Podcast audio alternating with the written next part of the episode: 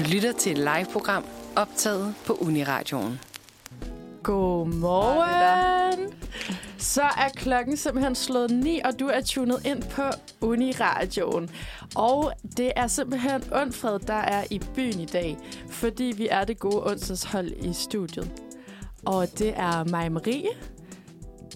Det er mig, Jasmin. Og mig, Christoffer. Og så mig, Sofie.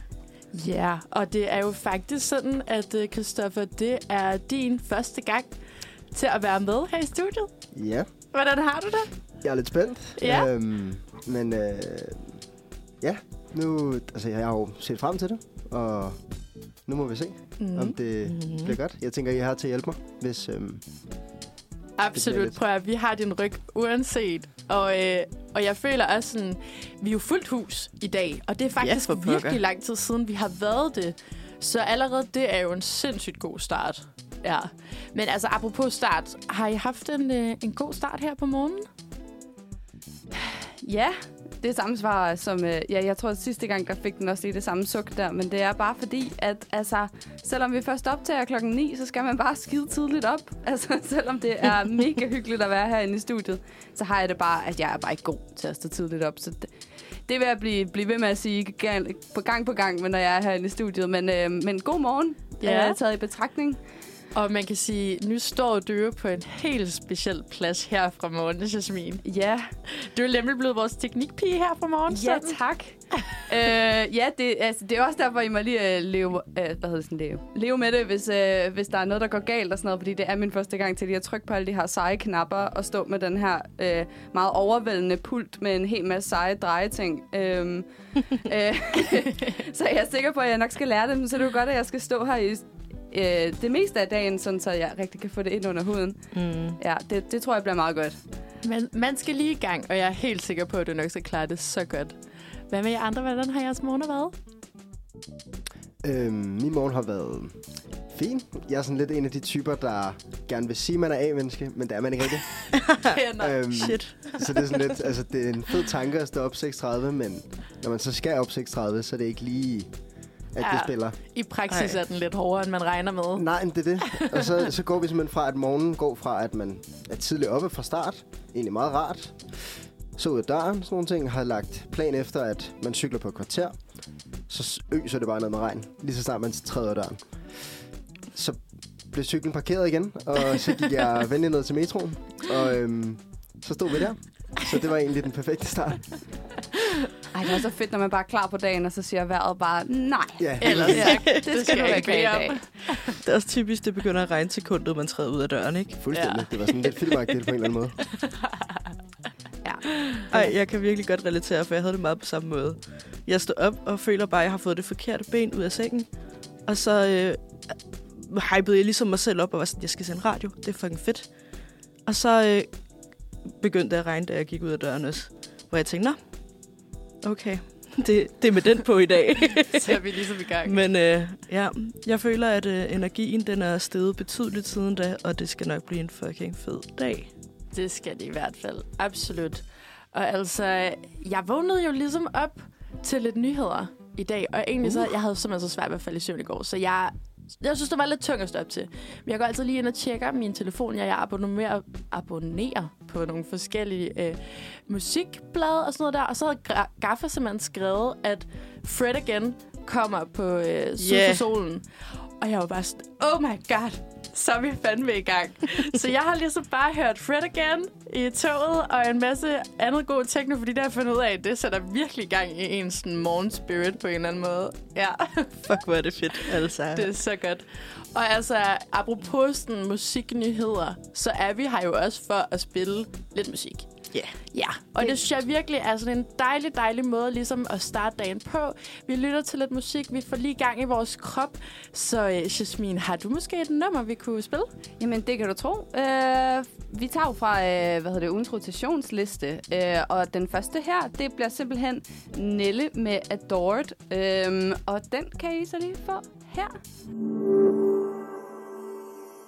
For fanden, så var vi What? der. Hvor var det bare et fucking fedt nummer. Ej, så fedt. Det var bare så sjovt, at jeg lige stod og snakkede om sådan, jeg elsker lige den der techno-vibe her fra morgen. Jeg føler lidt, den, den fortsatte lidt. Ej, jeg er så klar nu, altså. Ja, Fedt. tak. Den fik hele armen lige fra morgenstunden af. Øh, og nu er vi jo, øh, som man måske kan høre på underlægget, hvis man har lyttet til onsdagsredaktionen et par gange, så ved man måske, hvad der skal til at ske. Øh, for det er nemlig tid til den famøse overskriftsquiz. Yes. Once again, så har vi nemlig taget nogle øh, hvad hedder det, øh, overskrifter med, som vi har fundet på forskellige nyhedssider. Mm. Og så har vi simpelthen taget et eller to ord ud af den her overskrift, og så skal vi jo quizze herinde i studiet for at se, hvem der kan gætte. Og det er jo den kære Maiken, der har lavet den her overskriftsquiz til os. Mm. Så lige, lige lille skud ud til Maiken. Kæmpe skud ud til Maiken. Kæmpe skud til Maiken. Hun er den bedste til at lave det her quiz.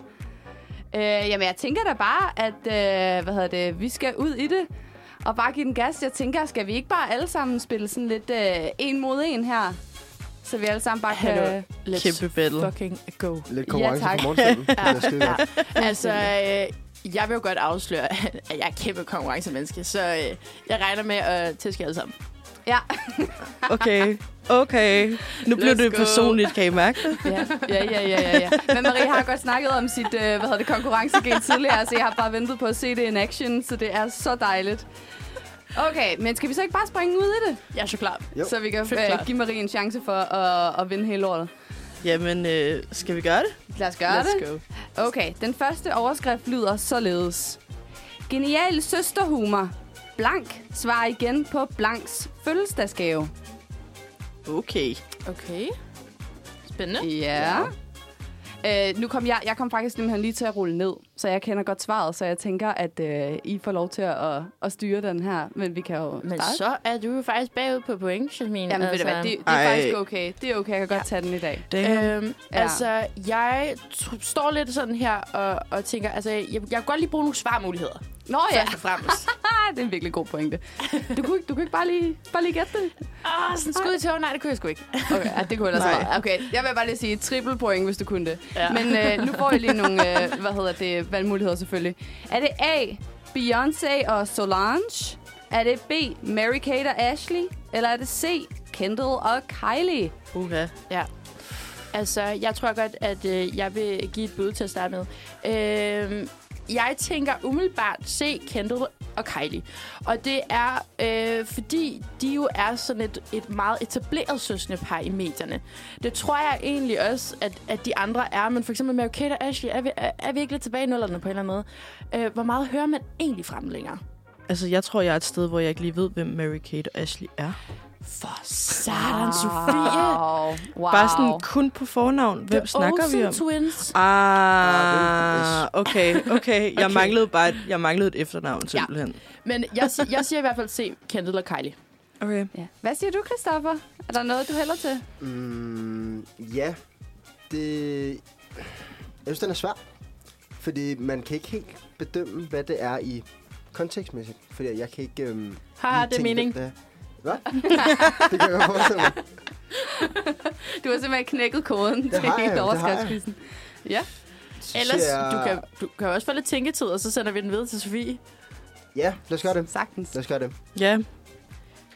Jeg, øhm, jeg tror måske, jeg er ude i en A'er, som er Beyoncé og Solange. Ej, Fordi øh, de fandt mig så lækkert søskende par, ikke? Ja, det er de nemlig. Mm.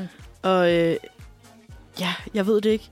Jeg føler, at to søskende, der er så øh, fucking iconic, godt kunne have en lille smule øh, drama internt. Ja, snilt. Så øh, Snilt. det bliver øh, det bliver Beyoncé og Solange herfra. Alright. Yes. Ja, men så står vi jo lidt i det dilemma. Skal vi prøve at gætte på det, eller skal vi tage B'eren for at være lidt... Så er der ligesom svaret på det hele. Så jeg tror, vi tager B og siger Mary Kate and Ashley. Ja, tak. Okay, okay, så vi er simpelthen vi har ramt alle verdenshjørnerne Simpelthen. her til overskriftsquizzen. Okay. Øh, og så kan jeg jo få lov til at afsløre det. Yes. Åh, oh, det rigtige svar er C. Kendall and Kylie. Let's go. Ja, præcis. øhm, Hvad hedder det? øh, Og det er simpelthen, fordi hele Kardashian-klanen havde fredag fornøjelsen af at fejre familiens supermodel Kendall Jenner i anledning af hendes 28-års fødselsdag. Damn. Øhm, men rigtig lille søsteragtigt. Så sørgede Kylie selvfølgelig for at tage en lille, lille smule pis på sin store søster. Øh, for Kendall modtog nemlig en smuk buket solsikker med et tilhørende kort, hvor der stod Tillykke med fødselsdagen, søster. 30 år. Tiden flyver. Elsker dig, Kylie. Ja, yeah. der vil jeg bare sige, hvis man har fulgt det Kardashian, så er det sådan en running joke med, at Kylie bliver ved med at sige, at Kendall er 30 år, selvom hun ikke er fyldt 30 endnu, hvis man lige Jeg havde taget den personligt, kan jeg mærke. Ja. Ja, det havde jeg altså også lidt. Og vi skal lige huske at sige, at den her øh, artikel, den er simpelthen fra Se og Hør i mandags. Så Ja, den er altså også øh, spritny. Men Mm. jeg tænkte også, altså på at det er sådan nogle her pranks, altså vil man høre det fra Beyoncé og Solange, fordi de jo bare, mm. igen, jeg tror, det drukner i deres totalt iconness på en eller anden måde. Mm. Ja, De er Ja. også sådan meget content mennesker. Det er sådan øh, meget sådan rolige og meget fattede mennesker. Jeg gad godt se dem lave en prank på hinanden og se, hvordan det vil virke, men jeg har svært ved at forestille mig det. Det er det. Ja. Men øh, ja. Hvad så, så vi skal- stillingen. Det gør den jo nemlig 1-0, bitches. 1-0-0-0 til Marie. Damn. Yes. Men vi kan jo lige prøve at se, om vi kan få noget redemption, for jeg tror godt, vi lige kan nå en enkelt mere. Det synes jeg, vi Øh, skal gøre. Er der en? Hvem har lyst til at tage Jeg den? tænker, at jeg godt lige kan... fordi jeg også havde sådan en god start. Så den, næste, den næste overskrift, den lyder simpelthen... Dansk bibstjerne er gået fra glemsel til kaos. Er det A. Badmintonstjerne, B. E-sportstjerne eller C. Dressurstjerne? Okay, my friends. Hvad siger I? Shit. Ja, det er fandme ikke en venlig overskrift, det her i hvert fald. Det er helt sikkert. Jeg tror, øh, det, bliver, det bliver sgu nok bare sådan en skud i tågen, så er det ikke bare at snuppe en? Jo. Ved du hvad, jeg, øh, jeg kører med badmintonstjerne. Yes. Den tager jeg. A. Badmintonstjerne. Sindssygt. Jeg tænker at hoppe på en dressurstjerne. Ser sygt. Okay, sindssygt. Jeg tror altså på en e-sport, faktisk. Øh, jeg tror, øh, jeg tror badmintonstjerne også, faktisk. Ja. Mm. Okay, let's roll. Uh, man får sådan lyst til at lave en drum roll det her. er B. E-sportstjerne. Så kom Sofie ind i kampen. Marie. Og du står bare der og stiger på mig fra den anden side af bordet. Okay, det er, det er, jeg er lidt vild med din energi, Sofie. Hold kæft, den er også god her for morgenstunden. Men det er simpelthen Peter øh, Dupré jeg ved ikke helt, hvordan man udtaler. Rasmussen, der er tilbage i Counter-Strike-eliten efter at have skrevet under med holdet Herok, som kæmper med intern uro. I et år 10, hvor øh, var Peter øh, Rasmussen blandt verdens absolut bedste Counter-Strike-stjerner. Øh, og i sommeren blev han altså den øh, første til at vinde fem af de såkaldte major-titler. Okay, Mhm. mm-hmm. sindssygt. Men kort tid efter, så blev e-sportstjernen fyret fra sit franske hold øh, Vitality og følte sig glemt. Oh. Oh. Men skuffelsen, den lagde sig altså hurtigt, fordi Peter her, han skrev altså under på en kontrakt med sin tidligere konkurrent, Herok. Øhm, et hold, der lige nu befinder sig i kaos og en intern krise. Nå, det er da lidt træls at skulle komme ind i. Men i sidste måned så bemærkede øh, Heroic øh, to af sine største profiler, Martin Stavn Lund og Jakob Djabi øh, Nygaard, fordi de er mistænkt for at vil skifte til rivalet Astralis. Uh, ja. Det er sådan Det nogle man hørt om før. Ja, det kender man. øh, navne, var. Der er nu to spillere tilbage i samme organisation, øh, men eller i, i organisationen, som så ikke lige helt ved, hvor den skal hen. Øh, okay, sindssygt. Jeg er ikke helt inde i, inde i e-sports-verdenen Nej. overhovedet. Jeg ved seriøst kun, at Astralis spiller Counter-Strike. Ja. Det er der, min Ja. viden slutter. Og jeg ved også godt, hvad Counter-Strike er. Ja. På en eller anden måde. Ja. Okay. Men øh, så fik Sofie jo lige øh, taget sig op der med noget e-sport. Der fik du lige Yes. redemption. Hvem vidste, det var e-sporten, der skulle til? Øh, så nu står det simpelthen 1 til Marie, 1 til Sofie og 0 til mig og Christoffer. Og game on, Sofie. Game on. Og, øh, vi Ej, de andre kan jo stadig nå det, men... Nej, Øh, nej, nej, nej. nej. Ja, ja da. Men ved I hvad? Jeg, vil- jeg vil lige vil ikke stå sådan der til jer, fordi jeg skal vise mig fra min bedste side. Det er Ja, okay, det er okay, jeg kan tage det. Men jeg kan sgu også godt tage et stykke musik, tror jeg. Ja, det er jo nemlig Det det. jeg Jeg tænker også godt, at vi lige kunne bruge det, mig og Christoffer, til lige at lave noget strategi Jeg har lige herovre. samlet tankerne. Ja, præcis. Gør det. Så nu skal God vi idé. simpelthen have Snuggle med Dissolve. Så var Hov, vi der. hvad skete der der? Det blev lige pludselig lidt en anden stemning her i studiet, hva'? Hvad er det for en stemning? Det er kæmpe quizstemning. Let's go. Ja, tak. Ja. Jeg bliver så overrasket, hver gang Marie kommer med den her konkurrenceenergi. du er bare det sødeste, mest sådan, rare menneske, og så kommer den der frem, og så er det bare sådan... Man får et andet forhold lige her, nu kan jeg godt mærke. Jeg har Ja. mange sider af mig selv, så du se mig i weekenderne. Det bliver, det bliver dark shit, altså. Fuck, det glæder jeg mig til, det må jeg bare sige. Nå, Men altså, konkurrencegien, den kommer jo bare af, at det er en så lækker overskriftsquiz, yeah. vi er i gang med. Og det står jo simpelthen 1-1 til mig, Sofie. Desværre 0 point til andre, men det kan I jo nå endnu. mm-hmm. Mm. Og øh, jeg synes næsten, vi skulle, skulle tage en mere. Ja. Ikke også, Kristoffer? Jo, det synes jeg, vi skal. Ah. Så må vi se, om vi kan få lidt redemption her på den her. Øhm, vi er nået til overskrift nummer 3. Og her, der hedder den således. Bip, bip, bip. Reagerer efter flere tilfælde af herværk. Her har vi altså svarmulighederne, der hedder A. Christiansborg, B. McDonald's og C. IKEA. Den ligger op til... Øhm, ja, Ej, jeg vil sygt gerne starte med at sige IKEA. Fordi, Ja. fordi jeg tror bare, IKEA er sådan et sted, hvor du kunne lave en masse skjult herværk. Ej, 100 Altså sådan rykke rundt på tingene, skrive noget ind i skabene, lukke dem. Altså sådan alle Ej, mulige hallo Sofie. fucked up det er små jo ting. den mest geniale idé. Altså, jeg ved da, hvad jeg skal, skal på søndag. Altså. Jeg vil sygt gerne med. så hvis svaret ikke er IKEA, så, øh, så er det det efter næste uge. Eller hvad? Det er det i hvert fald. Ej, 100 procent. KH, Undfred. Der står inde et eller andet sted. Ej, men hallo, det er virkelig også et godt bud. Øhm, jeg, jeg, jeg stod faktisk også lidt og overvejet den, også fordi altså, der er jo lige åbnet det der nye IKEA. Men jeg tror bare, jeg tænker sådan, McDonald's, de har sgu Mm. åbent om natten. Øh, og nattens timer, det er bare der, der sker mærkelige ting. Og blandt andet herværk. Så sådan... Også fordi, det, jeg har også hørt flere gange sådan, altså steder, hvor der er en McDonald's, så ho- holder der forskellige øh, bandegrupper til og sådan noget der. Så jeg, jeg tror, jeg holder på B Mc- McDonald's. Ja. Mm-hmm. Ja, den er virkelig svær. Fordi altså, øh, altså, altså man kan, jeg kan jo godt forstå, sådan, hvis det er i forhold til Christiansborg, at det med, med herværk og sådan noget. Men øh, jeg, jeg, jeg, føler bare, at øh, herværk på Christiansborg er noget, der sker hele tiden. Det ved jeg ikke, om det bare er mig.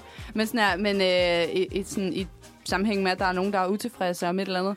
Men øh, jeg ved sgu ikke om Christiansborg, i sig selv ville, reag- altså, ville reagere efter flere tilfælde af herværk. Så jeg tror, jeg tror faktisk, jeg tror, jeg er med på IKEA-holdet. Yes. Øhm, Ja, ja. Et fornuftigt hold. Ja, tak. ja, tak. nu står jeg i mit dilemma igen, om vi skal sørge for, at alt er dækket ind, eller om øh, vi faktisk skal prøve at øh, komme tilbage på tavlen. Så jeg tror, jeg siger McDonald's. Uh. Ja, Øhm, gå efter tavlen. Let's go, vi my friend. Ja, Nu kører vi. tak. Skal vi, øh, er vi klar til svar? Og jeg er så Oh, klar. ja, Ja. mega Okay. klar. Jeg får lidt trummevirvel. Uh, Og svaret er B. McDonald's. nej! Så er vi på tavlen, og det betyder nu for stillingen, at vi Ja, står hvad, hvad 2, betyder det? 1, 1, og... Ej, er det rigtigt? Jeg er 0, Christoffer. Mand. Nå, skal vi have lidt baggrund på den? I øjeblikket, der undersøger politiet, om herværket er politisk motiveret. Her natten Uh. til søndag blev vinduerne i McDonald's-restauranten i Tilst ved Aarhus smadret. Politiet kalder det groft herværk, og størstedelen af facadens ruder er nu ødelagt. Voldsomt. Lørdag blev der slået mus, rotter og kakelakker øh, fri på en anden McDonald's i Slagelse Selvfølgelig. ved Sjælland. Ja. Det samme er også sket i Odense og Glostrup i løbet af de sidste uger. Er, er det bare blevet en ting med mus og rotter og kakelakker? Og... Men tænk nu, hvis man gjorde det samme i IKEA. altså, sådan- jeg elsker IKEA, men nu har jeg jo nu har jeg en mærkelig lyst til det her. Skal ske. Problemet er også bare, at vi står og snakker om det on air, ikke også? De, de kan bare gætte lige præcis, hvem det er, hvis du, hvis du tager dig ind på IKEA, I love you. It's nothing personal. Vi er simpelthen også begyndt at blive politiske på de her øhm, ting, kan man jo se. Øhm, mm-hmm. Der er også flere medier, der har beskrevet, hvordan der i forbindelse med hændelsen i Odense blev delt en video af handlingen. Og hen over videoen stod der boycott McDonald's slash Israel. Okay. Mm. Og der blev samtidig vist emojis med palæstinensiske flag og en hånd, der laver fredstegn. Ifølge The Washington Post blev McDonald's øh, som brand pludselig blandet ind Brand. i krig. Brand. Brand. Hov, Brand. Ja. Jeg troede, jeg var inde i den der ting, hvor der også bare skulle være brand. Der var var Bare i lortet. Der var i lortet også. øhm, ja, brandet blev pludselig også taget ind i krigen, da en franchise i Israel meldte ud, at måltider til soldater og hospitaler var gratis. Hvilket jo i sig selv er, kan man sige, hos, altså, måltider til soldater og hospitalsarbejdere, det er vel noget, Mm. man godt kan forstå, hvorfor de vil tilbyde deres land, Åh, kan man sige. det er jo, er jo bare hele den her konflikt. Altså, hvor meget vil man, Ja. ja. hvor meget vil man støtte Israel? Og selvom det er med måltider, Mm. så er det jo så også det, der gør, at de måske kan bruge flere ressourcer på våben. Og så, altså, det, ja, den er, den er virkelig, virkelig svær, hele den konflikt, ikke? Er den virkelig. Øhm, Ja, virkelig følsomt. ja, men jeg synes faktisk, det er lidt vildt, at øh, jeg havde ikke lige regnet med, fordi altså, jeg tænkte bare, herværk, det bliver begået på McDonald's hele tiden. Jeg havde ikke lige regnet med, at det faktisk var sådan politisk orienteret på den der måde. Men, men det synes jeg lidt alt er i, i de her dage. På, så ja, Mhm. ja. Ja, det er er det bare, sgu. hvor øh, mange troede, den her konflikt trækker. Ikke? Jeg havde sgu ikke lige regnet med, at Mm. sådan, McDonald's lige pludselig skulle være noget, som er problematisk af den årsag. Ej, I det, hvert fald. det, det, det. Ja. Åh oh, ja. Ikke lige af den mange, årsag, mange andre årsager til, at det godt kunne være det. men bare et rigtig Ja. godt sted at gå hen. Ja, det er rigtigt. Og det er altså TV2, der har bragt den her nyhed, som den kære Maiken har fundet. Og øh, så er der jo sket det, at øh, der er simpelthen øh, to point til mig. Ja, tak. For pokker da. Jeg Ja. tænker, øh, måske lige vi kan nå en til, inden vi tager et stykke musik. Eller skal Kunne vi lige... Ja, Jeg synes absolut, Skal vi tage skal den? tage. Mm-hmm. ved I hvad? Så, øh, så tager vi da lige den fjerde overskrift. Og den lyder... Debat om bip raser. Det er kammet helt over. Det er altså overskriften, vi får nu. Mm-hmm. Og øh, svarmulighederne er A. Vintertid. Eller B. Juletradition. Eller C. Børneopdrag. Opdragelse. Børneopdragelse. Så. Kan vi lige suge? Børneopdragelse. Godmorgen. Hmm. Spændende. Altså, øh, jeg er, er sådan helt sikker på, at det er B. Juletradition. Fordi nu er det som om, at vi, vi begynder ligesom at putte alle pebernødderne i supermarkederne og øh, kalendere og alt muligt. Sådan, så den, øh, den tænker jeg. Ja. Mm. Helt sikkert. Ja. Jasmin, hvor står du henne? Jamen, jamen, det er fordi, at jeg synes, det er irriterende, fordi det var jo også den, jeg ville have taget. Men nu ved jeg jo, at hvis jeg tager den samme som Marie... Du skal da bare tage det. Nej, hallo, der er op, op for grabs. Så Ja, I know. I know, men det er fordi, det er fordi, jeg vil bare... Okay, jeg skal jo nok bare lige tænke, jeg kan jo heller ikke nå at vinde nu. Altså, sådan, det er den sidste, der er tilbage. så, så, sorry, så det not gør sorry. måske ikke så meget, at jeg tager den samme. Det er fordi, jeg tror... Øhm, jeg tror, jeg tror nemlig også, at det, er, øh, at det er juletradition, for jeg tror, folk er så hisse sure over det der med, at der er juleslik i supermarkederne i oktober. Øh, jeg, tror, jeg, jeg tror, det er der, vi lander. Sindssygt. Okay. Ja, Shit. Ja, I know. jeg tror også, at øh, juletradition er et godt bud. Øhm, jeg var blandt andet hjemme med min mor i går, og der kiggede jeg bare lige og så, at der er blevet simpelthen pyntet op med øhm, allerede sådan øh, lys på øh, Ej. altanen og en lille julestjerne og sådan nogle ting. Jeg kan, Åh, jeg oh, kan din slet ikke have sådan sådan en type. Fuldstændig. Jeg kan slet ikke have sådan noget. Altså, det er... Det er virkelig ikke, øhm, det er virkelig ikke noget for mig. Men øhm, jeg kan godt se, så jeg kan rigtig, rigtig godt se, hvorfor debatten skulle være der. Ja. Øhm, så ja, jeg tænker også at øh, skyde på juletraditioner. Okay, Ej, så det er Okay, er kontroversielt. Simpelthen. Shit. Jeg havde lidt håbet, at du ville vælge en, så jeg kunne vælge den sidste. Ja, yes. Okay, Sofie, det er Damn. lidt spændende. Jeg kan jo ikke vælge juletradition. Det kan du faktisk Også fordi, at jeg er jo typen, der den 1. november sætter Last Christmas på, bare for bare lige sådan skyde julen lidt i gang. For nu er det ikke længere Halloween. Du får brug for den playlist, jeg har tænkt mig at lave til dig, fordi du får ikke lov til at sætte den sang på. Det mener jeg. Wemageddon er bare ikke en ting for mig. Jeg skal høre den så meget som muligt. Okay, men øh, debat om... Mm, vi har jo lige skiftet til vintertid, men det er jo en weekend eller to siden. Børneopdragelse er altid et issue Sofie, for det er tid til at tage et valg. Jeg tror altså... Øh, jeg tror altså, det bliver vintertid. Okay. Uh. Spændende. Okay, jamen, Okay. Så skal vi bare til det. Uh. Damn. What? Svaret er... Jule fucking traditioner.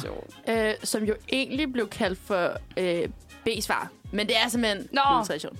Så for søren. Let's go! Og øh, det er jo sådan, at debatten raser. Er det for tidligt at høre julemusik fra starten? ja, det er for tidligt. Ja, Jeg er føler mig sådan lidt angrebet. øhm, men sagen er den, at den 1. november skete der noget vildt. Mariah Careys 29 år gamle julebasker All I Want for Christmas blev pludselig afspillet så meget på Spotify Danmark, at den vendte tilbage på Spotifys danske hitliste. Danmark, jeg er skuffet.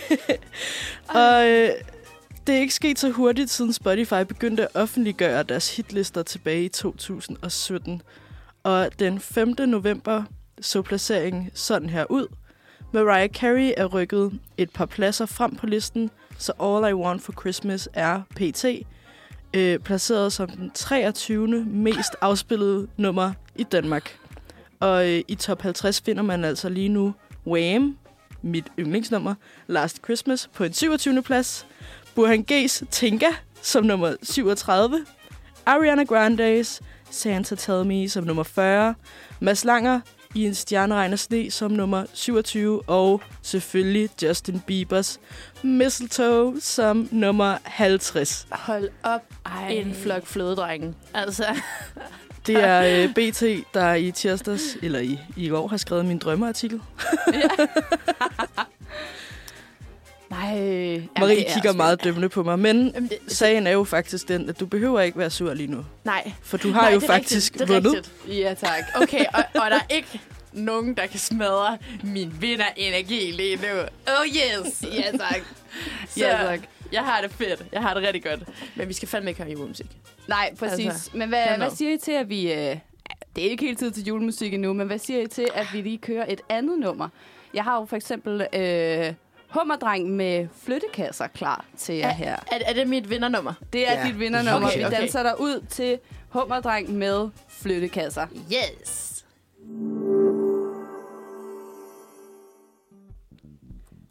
Og så er vi tilbage igen på Manfred, øh, efter en kort lille vindersang med, til Marie her. Ej, den var, den var sat med god, og så er klokken simpelthen slået 09.37, og vi er øh, simpelthen i, til at skulle i gang med dagens program. Og øh, som den lille vinder jeg er, så tænker jeg... så tænker jeg, at jeg lige vil, lige vil tease lidt for, hvad det er, der skal ske i dag. Og det er jo, at vi skal snakke om det, som handler den sidste måned her i efteråret. Og det er altså begyndt at blive noget mørkere. Altså, dagene bliver kortere. Jeg ved ikke, om I kan føle, at humøret det, det vender en lille smule. Hmm. Eller overskuddet. Altså, hvordan har I det, når det ligesom bliver lidt mørkt? Jeg synes godt, at man kan mærke, at energien daler. Eller jeg får i hvert fald meget energi, når der er sol og lyst og Mm. mm. sommer. Og at man får lidt mere lyst til at pakke sig ind i nogle varme tæpper og sidde inden for at putte. Øh, og måske ikke lave så meget studie nu. Ja. Jeg tror, Ja. ja. det er der, jeg er. Det forstår jeg så godt. Ja, jeg er egentlig også... Øhm, det, det er lidt presset det her med, at vi, bliver, vi får dagene kortere, og det bliver lidt, det er lidt mørkt og lidt gråt og lidt regn og sådan nogle ting. Øhm, men, men det er jo sådan lidt, man skal huske at nyde det, kan man sige. Fordi det er nu, det er sådan lidt flot med, at bladene falder af træerne og Det er rigtigt. det hele. Efterårsviben Ja. skal man også huske at nyde. Det er vinter og koldt lige om lidt, og der skal det nok blive rigtig gennemkoldt. Så øh, indtil videre, okay. Ja. Ej, men jeg har det ikke fedt. Åh, oh, det er ked af. Ej. Ej, jo, altså, jeg har det fint. Men jeg er bare sådan, altså, jeg, jeg er bare typen, der er virkelig dårlig til at leve i det der nu. Og være sådan, men i det mindste er det ikke vinter endnu. Altså, mm. i det Mm. mindste er træerne flotte. Altså, sådan, jeg er meget bedre til bare at være sådan, ja, og ved du hvad, det bliver bare fucking kun være herfra, og skal vi ikke også bare bede med, at det bare stadig sner i marts. Ak, det er så sådan, jeg Ja. prøver virkelig at være sådan, ja, og hvor er det bare pissehyggeligt. Det, men jeg kan ikke. Jeg er sådan, øv, øv, hvor er det nederen. Men ja, jeg Ja. synes, det er rart at have studie, for så har man noget, der ligesom kan Mm. distrahere dig lidt fra det. Det er Mm. også rigtigt. Ja. Men det er nemlig, altså jeg tror i virkeligheden, så er der, så er der mange, der har den her følelse af sådan, åh, oh, man bliver lidt træt. Og det er som om, tingene er sgu ikke helt lige så sjove. Øhm, og altså, jeg synes personligt, sådan i min vennegruppe, så snakker vi meget om sådan, okay, shit mand, man visner lidt her mm-hmm. i Mhm. løbet af efteråret. Og nu er vi sådan rigtig i gang med efteråret. Vi lader ligesom op til vinteren. Og man kan sige, der er jo også en masse mennesker derude, som døjer med deres mentale helbred her under mm-hmm. vinteren. Øhm, og det er nemlig noget, vi kommer til at snakke lidt om senere. Vi får besøg af søde øh, Erla Højsted, som øh, er psykolog, og som vil fortælle os lidt om det her med, hvis man døjer med vinterdepression. Altså, hvad er det for noget, og hvilke signaler skal man øh, holde øje med, både på, hos sig selv og hos sine venner måske. Øhm, og det er jo ikke nødvendigvis, at bare fordi man synes, vejret er lidt trist, man har lidt mindre overskud, at det så er en direkte vinterdepression. Så altså, det er slet ikke, det er slet ikke der, vi skal ud. Men når der er så mange øh, børn og unge, som rent faktisk døjer med dårligt øh, mentalt helbred og trivsel, så er det altså noget, vi gerne vil sætte fokus på i dag. Øhm, men altså, jeg tænker heldigvis ikke, at der er nogen af os her i studiet, som kan gå under en, en vinterdepression. Måske er vi bare lidt mere, lidt mere triste. Hmm. Ja. Ja, og vi, måske har vi i virkeligheden bare for, brug for nogle gode idéer til, hvad vi kan finde på at lave, så, så vi gør øh, efteråret og vinteren lidt mere hyggelig. Så jeg har faktisk taget et, et par idéer med til jer. Jeg ved ikke, om I er klar på at høre dem. Ej, det var spændende. Ja, Dejligt. Gør det. Okay, fordi altså, det er jo det her med, når det bliver koldt udenfor. Så lad os lige tage varmen og hyggen med ind i stuen. Og det første, du kan gøre, det er, at du kan lave et kræværksted. Ej, elsker. Ja. Du kan smide en du på bordet, åben for de kreative sluser og lave din stue til dit helt eget efterårskræværksted. Det er nemlig ikke øh, noget hyggeligere end lidt kreativ udfoldelse, og det er altså noget, du både kan gøre alene og sammen med familie og venner. Og det er også, som du fortæller, øh, Kristoffer, efteråret bærer jo på nogle sindssygt flotte farver. Altså de her orange og brune og rødlige farver. Så efter en tur i skoven, så kan du for eksempel bruge nogle af de her flotte blade, du finder på vejen. Øh, lave dem måske øh, til lyskæde. Altså sæt, øh, sæt små øh, ly- lys i de her blade. Eller du kan for eksempel øh, lave øh, et lille efterårslade, altså lave en slags collage med dem her. Øh, ellers så kan du også ligesom tage en lille trip down memory lane. lave nogle kastanjedyr. Jeg ved ikke, om, øh, om det stadigvæk kunne være noget for jer. Hvad tænker I? Uh, Altså, jeg er bare amazed over, hvor meget vi snakker om kastanjedyr på undfred. Det er faktisk det er virkelig. Jeg tror, kastanjedyr kommer sådan konsekvent op sådan, hver gang, vi snakker om et eller andet her. Jeg har i hvert fald gjort her til efteråret. Ja. Mm. Ja, men jeg er jo stadig kæmpe fan af kastanjedyr. Jeg synes bare, man skal give den gas. De er også ret cute. Det er så dejligt. Øhm, en anden ting, man kan gøre, det er jo også at lave en hjemmebio. Og det er der med, altså når kulden er os indenfor, så er det altså også en gyld mulighed for at kaste os under dynerne. Og altså, jeg prøver, eller plejer for eksempel med min lille søster, at lave sådan, altså rigtigt hjemmebio. Så smider vi sådan en madras ned på gulvet, en masse puder, dyner, laver popcorn, og så sidder vi altså bare og gør det ligesom til en ting. Og altså, efteråret er jo også simpelthen sæsonen for varm kakao. Mm-hmm. Jeg ved ikke, er, er, I, er I varm kakao-typer? 100. 100. Støtter du fuldt ud. Fuck, hvor lækkert. ja. Og altså, man kan sige, det her med, at streamingtjenester er så tilgængelige, det vil altså også bare sige, at du har altså et helt filmbibliotek, du kan tilgå direkte fra din sofa. ja. Og så en anden ting, men også, eller en tredje ting, man kan lave, det er noget dejligt efterårsmad. Mm. Det er jo simpelthen bare at spare sæsonen for, for lækre simre, retter, supper og andet godt, vi ligesom kan varme os på. Men man kan også ligesom gøre det til en hyggelig ting. Altså sige, nu laver vi mad sammen med vores venner eller vores familie. Øh, og så sidde og varmes lidt på en, øh, en græskarsuppe, måske. Dal eller noget paprikagryde, hvis man er til det. Har I sådan en yndlings øh, efterårsret, I plejer at gå til? Altså, jeg elsker alt med græskar. Så øh, ja, jeg, altså, er så jeg, Hokkaido på alle måder, du kan lave Hokkaido på, er jeg bare sindssygt fan af. Ja, så øh, den skal bare have græskar hele vejen for mig. I hvert fald så er det sgu lige meget faktisk. Hvad er det, hvordan det er. Ja, så længe det er med i et eller andet. Altså, jeg føler måske bare, at jeg er en julenisse. Fordi yeah, jeg kan jo også spise risengrød, så snart det begynder at blive koldt. jeg synes bare virkelig, det er sådan en hyggeret. Og jeg ved godt, det er kontroversielt. Det er ikke helt i orden. Tidligt, i hvert fald. Ej, Øhm, jeg tror måske bare, at jeg skal acceptere, at jeg er en julenisse. Ja. Jeg har det også bare sådan, risengrød, det er faktisk en af de ting, hvor jeg sådan, det må du godt spise ud over december. Ja, det Altså faktisk 100 rigtigt. procent. Men øh, indtil videre, så har jeg fundet en, øh, en sang, som jeg også synes er ret god efterårsstemning. Og det er jo også den sidste ting, man kan lave. Det er bare at give sig en kast med at lave den vildeste efterårsplayliste. Yeah. Så her til at starte med, så skal vi høre til Solen er sort med Abaka.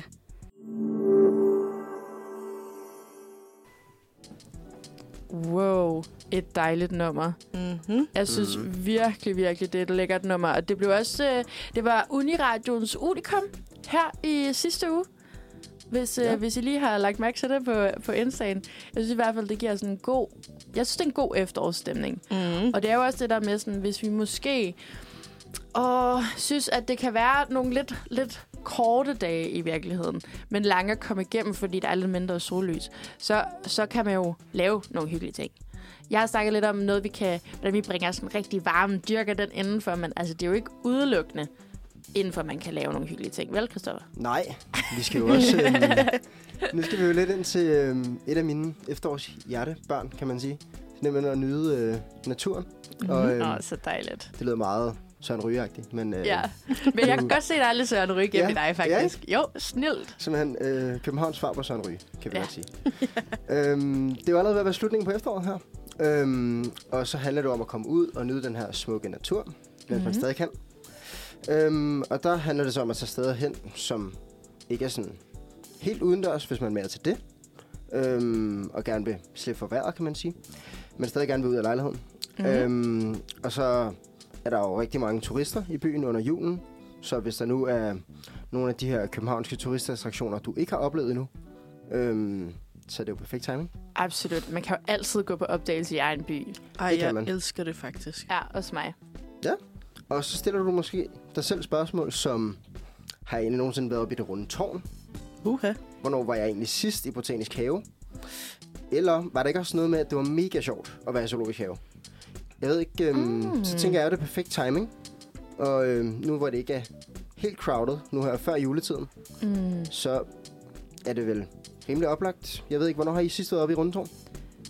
Altså, jeg tror ærligt talt aldrig, jeg har været oppe i Rundetårn.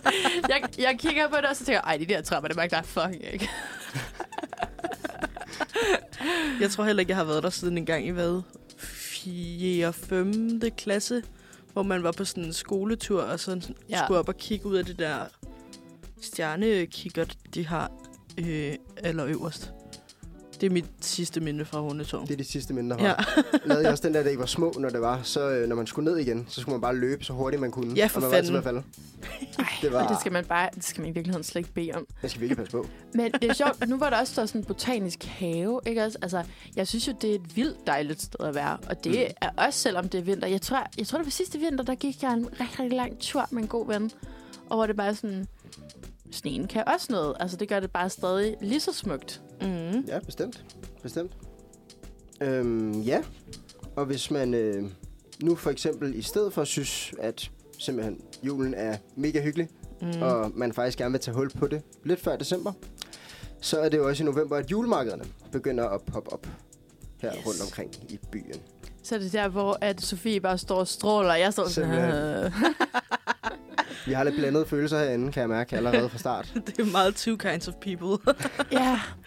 Åh, men jeg ved ikke, det er også bare, altså hele den her øh, julestemning. Altså, jeg elsker at dyrke det i december. Men ofte så har jeg faktisk ikke tid til det, fordi det er jo også der, eksamenerne ligger og sådan noget Mm. der. Øh, men jeg har den der med, sådan, når de begynder at spille julemusik i supermarkederne og sådan noget der, inden vi er i december. Altså, jeg, jeg får sådan helt, jeg bliver så frustreret, jeg kan slet ikke have det. Altså. Jamen, jeg kan godt forstå, at folk bliver sådan lidt julebims. Men jeg tror lige netop fordi, at der har været så mange eksamener, at jeg ikke føler, at jeg har kunne holde jul ordentligt de sidste tre år. Og nu skal jeg i gåseøjne kun skrive bachelor og Mhm. aflevere den den 15. december. Så nu har jeg pludselig rigtig meget tid til at holde jul. Så nu er jeg bare gået fuldstændig øh, overdrive. Ja. Så ja, øh, det bliver mig, der står til alle julemarkederne og ser helt øh, latterligt glad ud. Faktisk, så, så lige før, jeg har lyst til at spørge dig, Sofie, om du vil slæve mig med til et af dem. Fordi jeg har det sådan, det kan være, at din mega gode indstilling og god energi kan smitte dig af. Ja. Og jeg synes også, Christoffer, måske skulle du også med. Måske har vi brug som sådan en, for en som Sofie i vores liv. Det kunne godt være, at vi faktisk har brug for et Ja. lille spark Det tror jeg også. med julestolen. Et, et Ja. meget glad og julet spark. Ja. I, ja. Ja, vi kan holde øh, jule, juleundfred på et andet tidspunkt måske. Det er jo lige så, det. øh, Ja, Ja, det det kan indvige jer i min juleglæde. Men uanset hvad, altså det er jo virkelig nogle, nogle dejlige idéer, og det er også, altså der er virkelig gode ting i vente her i løbet af den sidste efterårsmåned og mm. til vinter. Og jeg synes, at vi har fået nogle idéer til, hvordan os, der måske lige kommer lidt ned i gear, kan lave noget hyggeligt, både sammen, men også alene. Ja. Øhm, men vi skal faktisk snart til det, der er rigtig vigtigt. Øhm, og det er, at vi skal snakke om øh, det her med vinterdepression. Mhm. Fordi der er jo simpelthen nogen derude, som ikke bare kun bliver lidt energiforladt eller en lille smule nedtrykt og sådan noget, men som faktisk får en reel øh, depression i løbet af vinteren, og den er simpelthen sæsonbestemt. Øhm, og grunden til, at vi har valgt at vil snakke om det i dag, det er også fordi, at vi her på onsdagsholdet synes, det er rigtig, rigtig vigtigt at sætte fokus på mental sundhed. Og særligt her hos børn og unge, som faktisk øh, har det værre nogensinde. Øh, vi hørte jo den her, øh, eller fik set den her rapport i foråret, som blev lavet af Sundhedsministeriet, som, øh, eller undskyld, Sundhedsstyrelsen, øh, som viste, at børn og unge har det faktisk værre mentalt end nogensinde. Mm. Øhm, og en måde, vi kan blive klogere på det, det er jo ved at invitere en gæst i studiet. Og jeg ved, hun venter ude øh, bag døren. Øh, den kære psykolog Erla Højsted, som er kommet for at besøge os. Så øh, måske skal vi lige sætte et øh, stykke musik på, og, øh, og så kan vi byde hende velkommen til Det en rigtig god jeg snak. som Det har en jeg glædet mig rigtig god idé. Ja. Ja, det lyder så godt. Øh, vi skal simpelthen høre det nummer, der hedder Skæbne, og det er med Kaiser, det kommer her. Så fik I det her mega smukke nummer, som hedder Skæbne med Kaiser. Og imens vi har hørt det her virkelig flotte nummer, så har vi jo simpelthen fået en gæst i studiet. Og det er dig, Erla. Hej, Velkommen til. tak for det. Tak fordi du havde lyst til at komme og besøge os. Jamen, hvor var det dejligt, at I inviterede mig. Det er jeg meget glad for. Jamen altså, vi tænker jo lidt, at når vi skal snakke om noget så alvorligt som det mentale helbred, øhm, så er vi næsten nødt til at have nogle eksperter ind på området. Og det tænker vi jo lidt, at du er. Fordi, hvad, hvad er det, du går og laver, Erla? Jamen, jeg er uddannet psykolog, øh, Mm. og jeg arbejder, eller jeg har en praksis inde i København, hvor vi til dagligt arbejder både med angst, depressioner, stress, og i det hele taget hjælper vi folk med at få det bedre mentalt. Arbejder med det mentale helbred. Ja, og det er også bare virkelig et, et vigtigt stykke arbejde. Ja, men det er jo så vigtigt for alting, fordi det er jo ligesom grundlaget for, at man kan fungere og arbejde og gå i skole og ligesom være glad i livet. Ja, absolut. Og øh, vi har jo snakket om, at det her det er den sidste måned af efteråret. Og vi godt lidt kan mærke personligt, at dagene bliver kortere. Og så kan det godt lægge lidt en dæmper på humøret og overskuddet. Men der er jo faktisk nogen, hvor det rammer rigtig alvorligt. Har du, øh, har du oplevet i, i din praksis, at, øh, at det sker, at der kommer mennesker til dig, som her under vinteren sådan, får det virkelig dårligt? Ja, men det er jo, altså egentlig er det jo ret typisk, at de fleste oplever at blive lidt mere trætte, mm. lidt mere nedstemte, lidt mere sådan, åh, Ja. jeg har ikke rigtig lyst. Ja. Ved, ikke? Øhm, så, så det er jo egentlig meget øh, udbredt. Men som du siger, så er der jo også nogen, som virkelig bliver, bliver ramt af det, og, og det er jo så dem, vi så ser. Øh, fordi så bliver det så svært, at man måske bliver hindret i at ja, kunne udføre sit liv på den gode måde. Ikke? Altså, og så er man jo bare nødt til at få noget hjælp til det. Absolut, ja. ja. absolut. Øhm, hvordan oplever du, at det kan hindre folk? Jamen, det bliver jo svært at stå. Det kan blive svært at stå op om morgenen. Man mister mm. ligesom lysten, mister gejsten, mister motivationen. Ja. man trækker sig måske lidt du ved, tilbage og gør lidt mindre og så videre. Ikke? Så, Mm. så på den måde kan man nemt havne i en lidt negativ spiral, hvor man faktisk ikke du ved, kommer afsted og gør det, man skal. Absolut. Og så bliver det jo nogle problemer til sidst, ikke? Øh, Ja. hvis, man, Mm. hvis det bliver ved. Men hvis nu jeg siger ordet vinterdepression, øh, hvis vi skal forstå det som størrelse eller diagnose, kan du så fortælle os lidt, altså hvad, hvad handler det om? Altså vinterdepression er jo en, en depression, en afart af en depression. Og Okay. det er jo det, vi kalder for sådan en sæsonafhængig depression. Så det vil Mm. sige, at det er noget, der kun opstår om vinteren. Ja. Eller i efterårsmånederne, ikke? altså i vinterhalvåret. Ikke?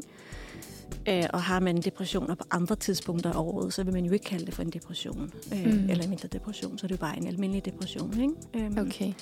Så det er sådan, man ligesom skal adskille dem. Der er ikke øh, nogen sådan øh, andre sym- symptomer, som adskiller sig. Altså noget, som man særligt har, når man har depression, eller særligt har, som, øh, når man har vinterdepression, andet end at det så er sæsonsbestemt. Altså det er primært det sæsonbestemte, som, som afgør det. Okay. Der findes også andre sæsonbestemte depressioner, som ja. sommerdepression for eksempel. Ikke? Ja.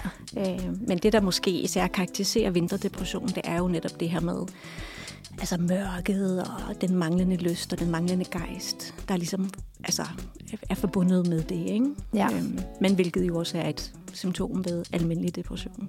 Absolut, absolut.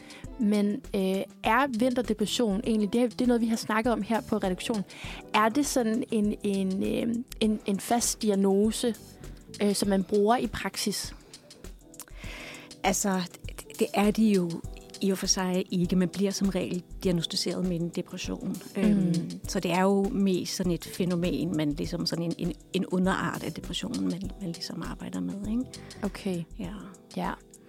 Øhm, hvordan, øh, når du for eksempel skal diagnostisere, eller måske ikke diagnostisere, men i hvert fald hjælpe folk, ja. Ja. som, som øh, dealer med, med vinterdepression, altså hvordan, øh, hvordan når du egentlig frem til, at det er det her, der er problemet hos dem? Altså, det er jo meget symptomerne, man, man går efter, men, men altså, jeg spørger ind til, jamen, hvad er det, der gør, at du kommer her, hvad er det, der tynger dig, og så videre. Og så kan man jo ret hurtigt spore sig ind på, at det handler om nogle af de her tunge, triste symptomer. Øhm, Og det er jo, altså symptomerne ligger i, altså det er sådan noget følelsesmæssigt, man oplever, Mm. mm. nedtrykthed, øh, altså manglende lyst og så videre, ikke? Og så kan det også godt være øh, sådan lidt mere fysiologisk, hvor man Okay. mærker, at man er mere træt, øh, har mindre overskud, spiser mere, spiser mindre. Altså ligesom de fysiologiske ting, der bliver påvirket, sover mere, Ja. sover mindre. Ikke? Øhm, Mm. og så kan man også se det på adfærden, Mm-hmm. mm. hvor at det er mere sådan en, altså man trækker sig lidt mere tilbage, har en tendens til at isolere sig en lille smule mere, og. Ja. måske siger nej til nogle flere ting. Altså, Og så- når det er at sige nej til ting, altså hvilke ting kunne det sådan... Jamen, så kunne det jo typisk være de sjove ting, de gode ting. Okay, ja. Øh, jeg har ikke helt overskud til at tage ud med vennerne, eller Ja. Altså, øh, ja, og, og mødes med studiegruppen, det gør jeg måske Mm. ikke lige, fordi jeg ikke orker det. Jeg gør Ja. det heller selv. Ikke? Så det er ikke kun de ting, som måske er sådan faste i en schema, men også alt det, som skulle give en, noget energi. I virkeligheden ja, og det er Ja. der et stort problem jo også opstår, ikke? fordi det er også det, der skal hjælpe en med at holde glæden ved livet, altså og gejsten ligesom i gang. Ikke? Ja, Ja. absolut. Og så er der jo også en, en anden ting, som handler om tankerne. Ikke? Altså, der er jo meget dystre tanker, negative tanker, øhm, sådan et negativt fokus. Det er jo også det, Okay. vi ligesom leder efter, når, når vi skal finde ud af, om det er en depression, Mm. vi har med at gøre. Altså, når du siger et negativt øh, fokus, altså, kan du give nogle eksempler på, altså, hvad, hvad for nogle tanker det måske kunne være, man, man sidder med? Jamen typisk så er det tanker, der handler om de symptomer og de følelser, man oplever. Så hvis Okay. man føler sig træt, så begynder man måske at sådan gå og tænke over, hvorfor er det, jeg føler mig træt? Kan vide, hvad det var, der måske skete i går? Eller mm. er der et eller andet i mit liv, der er forkert, siden jeg har det på den her måde? Og så, videre, ikke? så man går ligesom ind i et problemfokus omkring de her følelser og og den her nedstemthed, man oplever. Ja, Mm. Ja. okay. Så øhm, kan, man, kan man sige, at, at man ofte har sådan et, et, et fast mønster i forhold til sådan, altså, nu, det virker lidt som om, at det er noget, man så også analyserer på selv. Rigtig meget. Ja. ja rigtig meget. Øhm, og det er jo, altså, det, altså det sjove, eller det ved jeg ikke, om man kan sige det, det sjove, men altså virkelig mange mennesker rapporterer jo at have øh, de her symptomer, øh, når det bliver mørkt. Mm. Altså måske 80-90 procent af os alle sammen oplever i virkeligheden, hvad kan man sige, de her ting. Øh, Ja. Men det, der jo så sker for, for de få, altså for dem, der faktisk begynder at lide af vinterdepressioner, det er, at de netop analyserer ret meget på det. Ah, At de forholder sig meget Mm. til det, at det får et enormt stort fokus. Okay. At man gerne vil løse det her problem, som Ja. man nu har fået. Ikke? Og det kan man bare ikke altid. Det kan man bare Nej. ikke. Nej, det er jo det. Okay. Det, Det er lyder virkelig- lidt... Øh, det lyder lidt som sådan lidt en ond cirkel, ikke? Jamen, det er altså, lige at man- det. Har det skidt, kommer til at tænke over, at man har det skidt, og så sådan Mm. vil løse det, men bare ligesom ender i sådan en Ja. spiral. Ja. Nemlig. Forfærdeligt. Det er også virkelig noget, jeg tænker, man, man hurtigt kan, hvis man er i den der sindstemning. Men jeg tænker, øh, det kunne vi godt grave lidt mere i. Men skulle vi lige høre et lille stykke musik først? Yeah. I får simpelthen øh, nummeret her, der hedder Tilbage nu med Olivia. Ej, ja, det kommer her. Så er vi tilbage igen efter et lille nummer tilbage nu af Olivia Aya. Og vi er jo i fuld gang med at snakke med øh, dig om øh, vinterdepression, har vi jo lige taget op. Øhm, og du nævner blandt andet det her med, at man bliver påvirket af en masse negativitet og negative tanker, og det kan fylde rigtig meget, fordi man kommer til at analysere det. Det gør man nemlig. Ja, og så siger du jo faktisk her imellem, øh, hvor vi hører noget musik, at det ligesom er det, der er grundlaget. Men hvordan skal man så være opmærksom på det? Hvornår skal man begynde at reagere selv, hvis du oplever, at du bliver fanget i de her tanker? Øhm, altså for det første, så handler det jo netop om det her med, at det er jo ikke altid, man opdager det, at mm. man bliver fanget i de her tanker. Mm. Man oplever det mere som en følelse, der tager over, som nogle symptomer, der ligesom fylder hele ens bevidsthed. Ja. Og man tror ikke nødvendigvis, at man tænker, øh, og man løser det. Man mærker det bare, og det, det er jo det, der ligesom er kernen også i, i sådan en depressiv lidelse. Det, er, det handler meget om de følelser, man har. Mhm. Øhm, så det er jo formentlig, når man mærker de her symptomer, at det gælder om, at man bliver opmærksom. Mm. Mm. Så når man mærker, at man bliver tung, man bliver trist, man måske ikke rigtig har lyst til at tage afsted eller gå ud og gøre de ting, man plejer at gøre, så er det der, man kan blive lidt opmærksom på, jamen hov, hvor er mine tanker henne? Mm. Ikke? Altså ligesom tjekke lidt ind ved sig selv, og lige blive opmærksom på, hvad, hvad går jeg egentlig og tænker over? Mm. Hvor meget fylder det her i mine tanker? Ja. i forhold til alt muligt andet, der burde, eller jeg heller vil have, skal fylde i mine tanker. Ikke? Så på en måde, at man bliver prøver på at, at blive bevidst om, hvor, hvad gør jeg med mine tanker? Hvor er de henne? Det, mm. det er jo Mhm. ligesom Ja. den første, hvad kan man sige, det første step. Mm. Nu siger du at tjekke ind med sig selv. Hvordan vil du gøre det? Altså, vil du have en dagbog, hvor du skriver ned, eller vil du øh, tage tid hver aften til at tænke, uh, nu har jeg haft sådan en her dag, eller jeg har godt nok tænkt meget over Øhm, de her ting, eller hvordan vil du forholde dig til det? Altså, det kan jo lyde lidt dobbelt, når jeg siger at tjekke ind, fordi så kan det lyde som om det klassiske med ligesom at mærke efter mm. og følge med i symptomerne og hvor meget det er der osv. Det er faktisk ikke det, jeg tænker, fordi det er jo egentlig noget af det, der er med til at vedligeholde sådan depression. Mm. Så jeg synes jo ikke, at man skal gå og mærke efter, hvor meget føler jeg det, og hvornår er det der osv. Men det er mere, når det er der. Og når du siger nej til noget, når du føler dig trist, når du mm. ikke har lyst, Mm. så tjek lige ind, jamen hvad foregår der i mit hoved, ikke? og hvad gør jeg ved det? Mm. Trækker jeg mig, eller øhm, bliver jeg ligesom ved med at analysere på det? Mm. Så er det, at problemet lidt opstår. Ja. Og det er jo der, man skal øve sig i at gøre noget andet.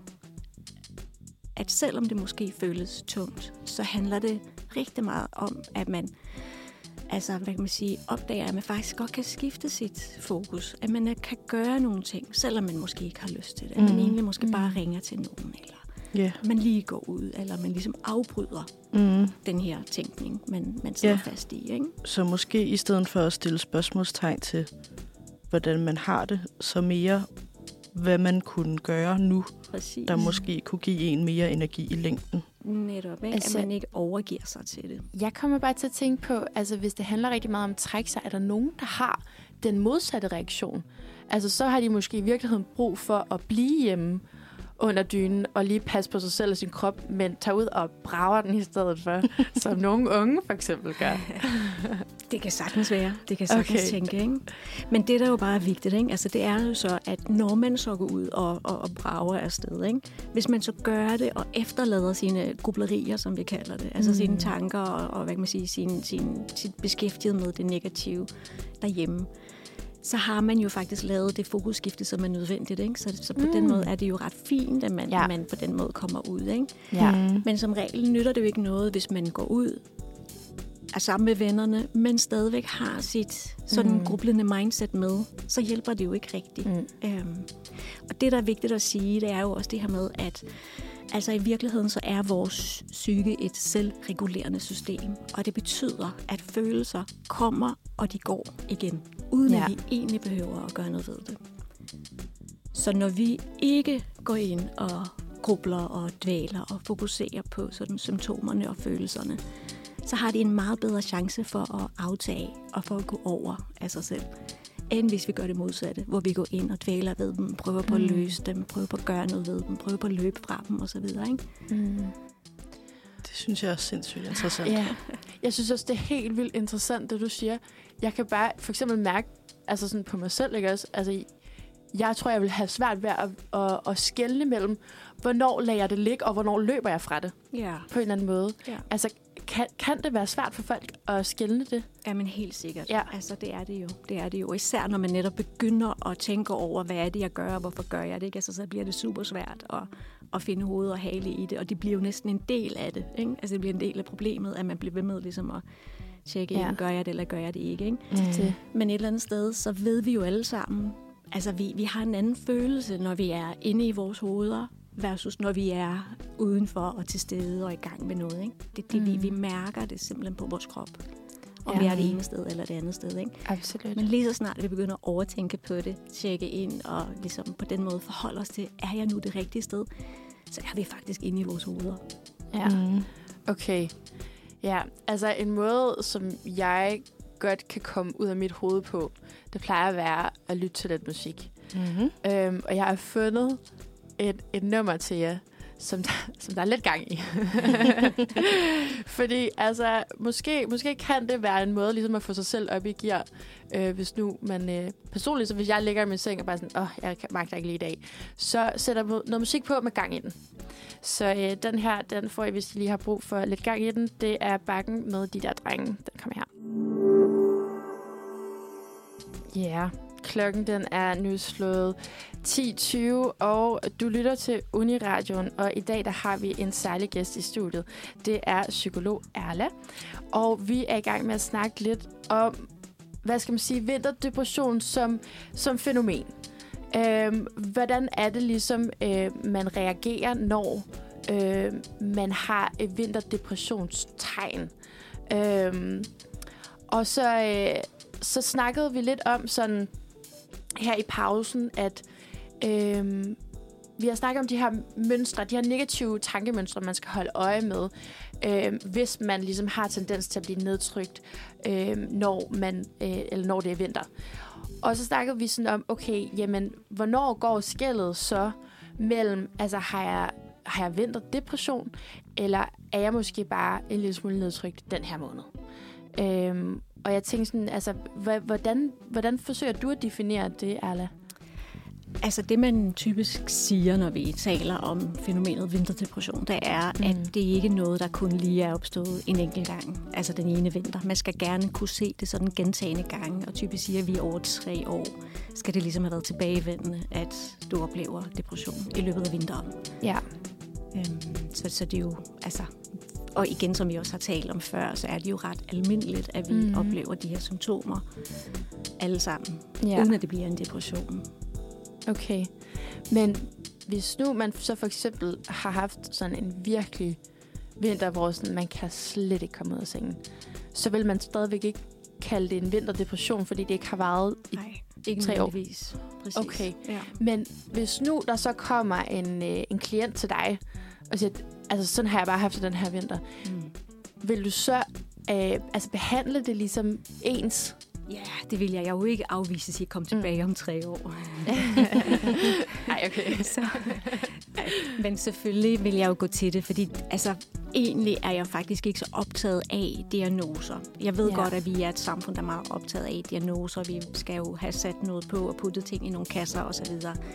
Men det, jeg bare er meget mere optaget af, når folk kommer med et problem, det er faktisk at kigge på, jamen, hvad er det, du oplever som et problem? Mm. Og lad os udforske, hvad det er, der vedligeholder det problem, som du har. Og lad os arbejde med at ændre på det. Øhm, Ja.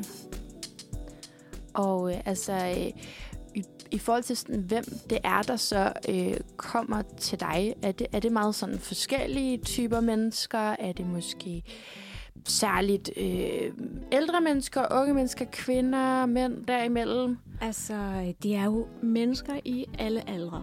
Og mm. i Mm. Altså, alle køn, kan man også sige. Ja. Øhm, og nu arbejder jeg jo et sted, hvor vi er flere psykologer. Jeg er også nok den ældste inde hos os, men vi har jo masser af unge psykologer.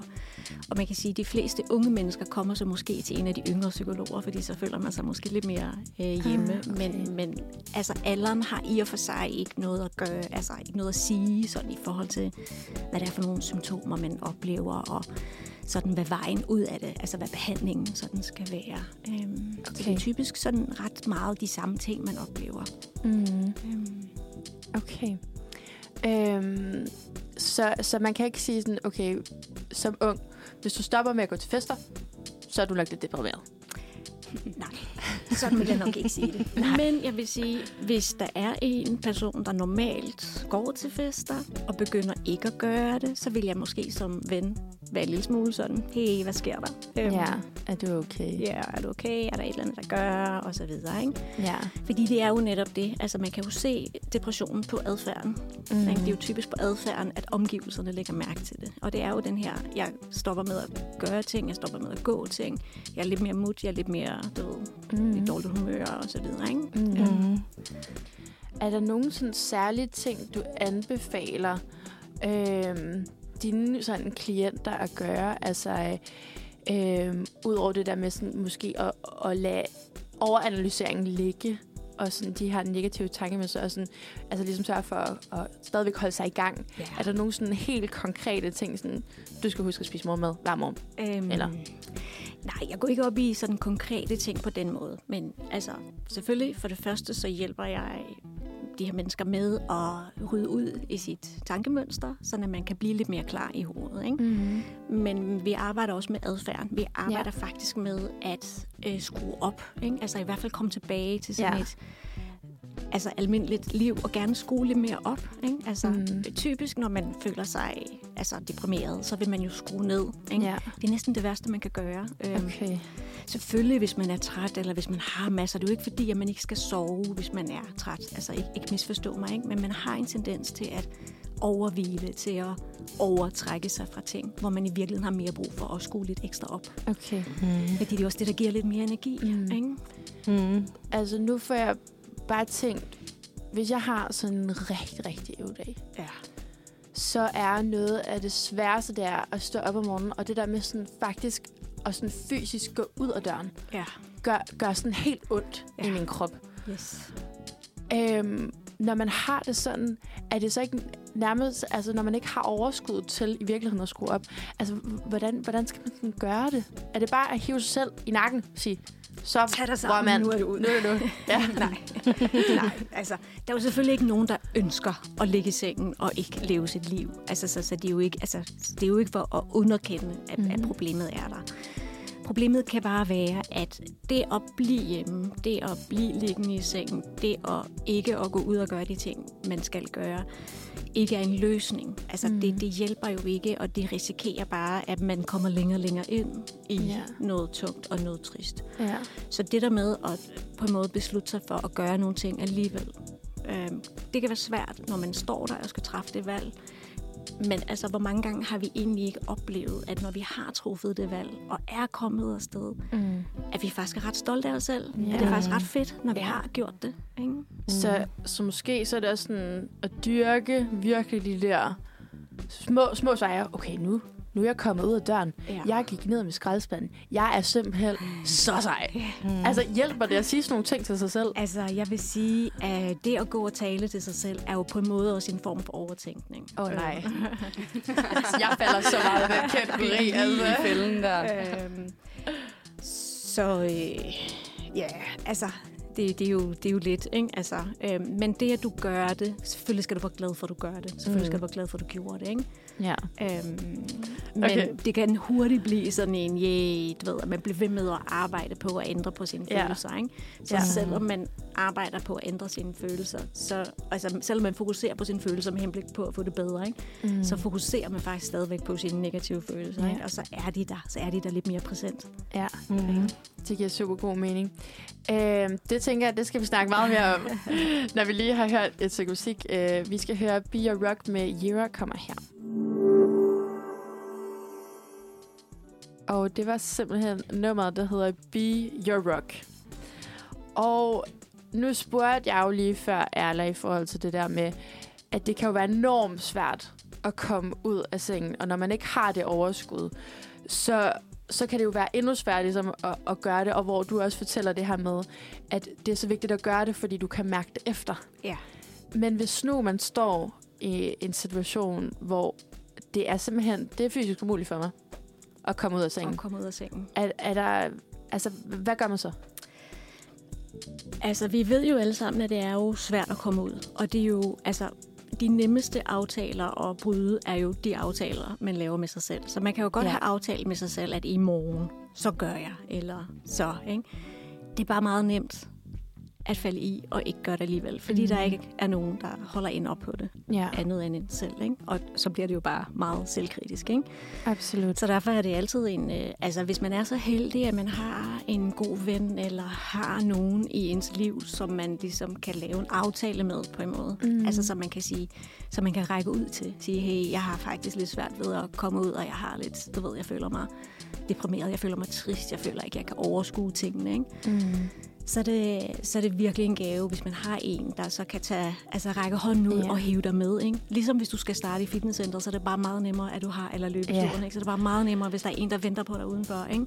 Ej, det er så, Så lidt rigtigt. det samme mm. koncept, at jamen, have en, der kan hive dig ud, Mhm. det, er, det er virkelig guld værd. Det, der bare er faldgruppen, og det, der kan være nogle gange uh, værd at tænke over, det er, mm. at altså, den samtale, man så har på løbeturen, eller hvad man nu gør på Ja. caféen, ikke? den ikke nødvendigvis skal handle om følelserne, og hvor svært det er, og hvor tungt det er. Og fordi så ender man næsten bare med at være to, der går ind i den der overanalyse og afdækning og udforskning ja. af det, det negative og det dårlige. Ikke? Altså, så Ja. det bliver altså, sådan en form for sammengrubleri, kalder vi det. Ikke? Mm. Altså, hvor man Okay. fælles går ind og arbejder med det. Ikke? Ja. Så det, man faktisk har brug for, det er en, der kan bringe en ud til noget andet Mm. hvor man skal bruge sit fokus, sin tankeaktivitet på noget, der ligger udenfor. Okay. Ikke? Ja. Og altså, hvad, altså, hvordan kan man så sige til ens venner på en eller anden måde, jeg synes, det her er svært, men vi skal ikke dvæle ved det. Altså, er der et eller andet man, man, måde, man kan formulere det på? Måske kan man bare sige det præcis sådan, som du sagde det. Okay, nå. Det synes jeg var Ja. en skide god formulering. Okay, ja, mange tak. Go you. øhm, ja. Altså, fordi det der jo også er, det er, at vi føler jo, altså, vi føler jo tit et enormt stort ansvar for vores følelser, Mm. og for tale om dem. Og vi ved jo, at vi bliver draget af de negative følelser. Ikke? Vi vil jo gerne ind og arbejde med dem og forstå dem. Ikke? Ja. Så vi har sådan en naturlig tendens til at blive draget ind i det. Ikke? Og det skal vi bare blive opmærksom på, at det ikke nødvendigvis er en hjælp Mm.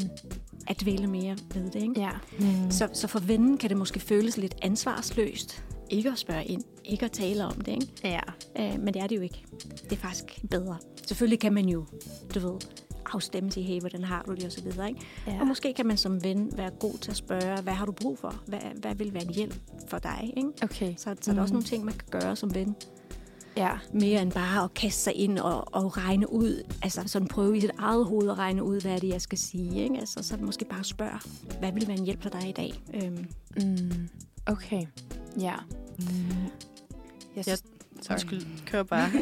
Jeg synes bare, det er en virkelig spændende kontrast, det der med, at vi altid har fået at vide, at hvis du har det dårligt, så skal du bare altså, snakke med nogen om det. ja. Og være sådan, du skal bare tale om det, og det skal bare derud af. Og få at vide, at det også, der er også en mulighed for, at det ikke er konstruktivt at snakke om det, Ja. synes jeg bare er helt enormt spændende. Mm-hmm. Øhm, men jeg står også bare og tænker, øh, når nu man døjer med en vinterdepression, øh, eller en depression generelt, og, har, og alting, altså den dårligdom, der bare foregår i dit hoved, er så alt omsluttende. Ja, det er rigtigt. Øhm, om det ikke kan være svært for nogle mennesker at, at overhovedet at indgå i en anden samtale om noget helt andet, fordi det bare er så altomsluttende, hvor dårligt man har det.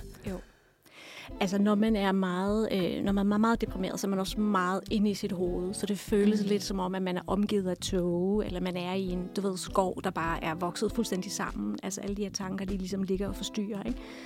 Og det kan virke fuldstændig uoverskueligt at ligesom komme ud, ikke? Man føler, man skal rydde ud, man skal fjerne tågen, man skal altså skære de her grene ned. Så det, bliver, kæft- det føles som et kæmpestort arbejde at komme ud øh, på den anden side, ikke? Så det er jo det, man sidder lidt og kæmper med. Men i virkeligheden, altså, så det man, altså det man skal, skal, altså selvfølgelig kan det godt være, at man skal have hjælp til at opdage det her, ikke? Altså, men, men det, der, det, der ligger i det, det er, at den her tåge og den her skov, er jo øh, båret af, at man rent faktisk kigger på den. At man rent faktisk fokuserer mm. på den. Ikke? Så ved egentlig at opdage, at man faktisk har fuld kontrol over sin opmærksomhed. At man egentlig kan skifte fra noget til noget andet. Mm. Ret enkelt. Er en evne, som vi egentlig alle sammen har. Mm.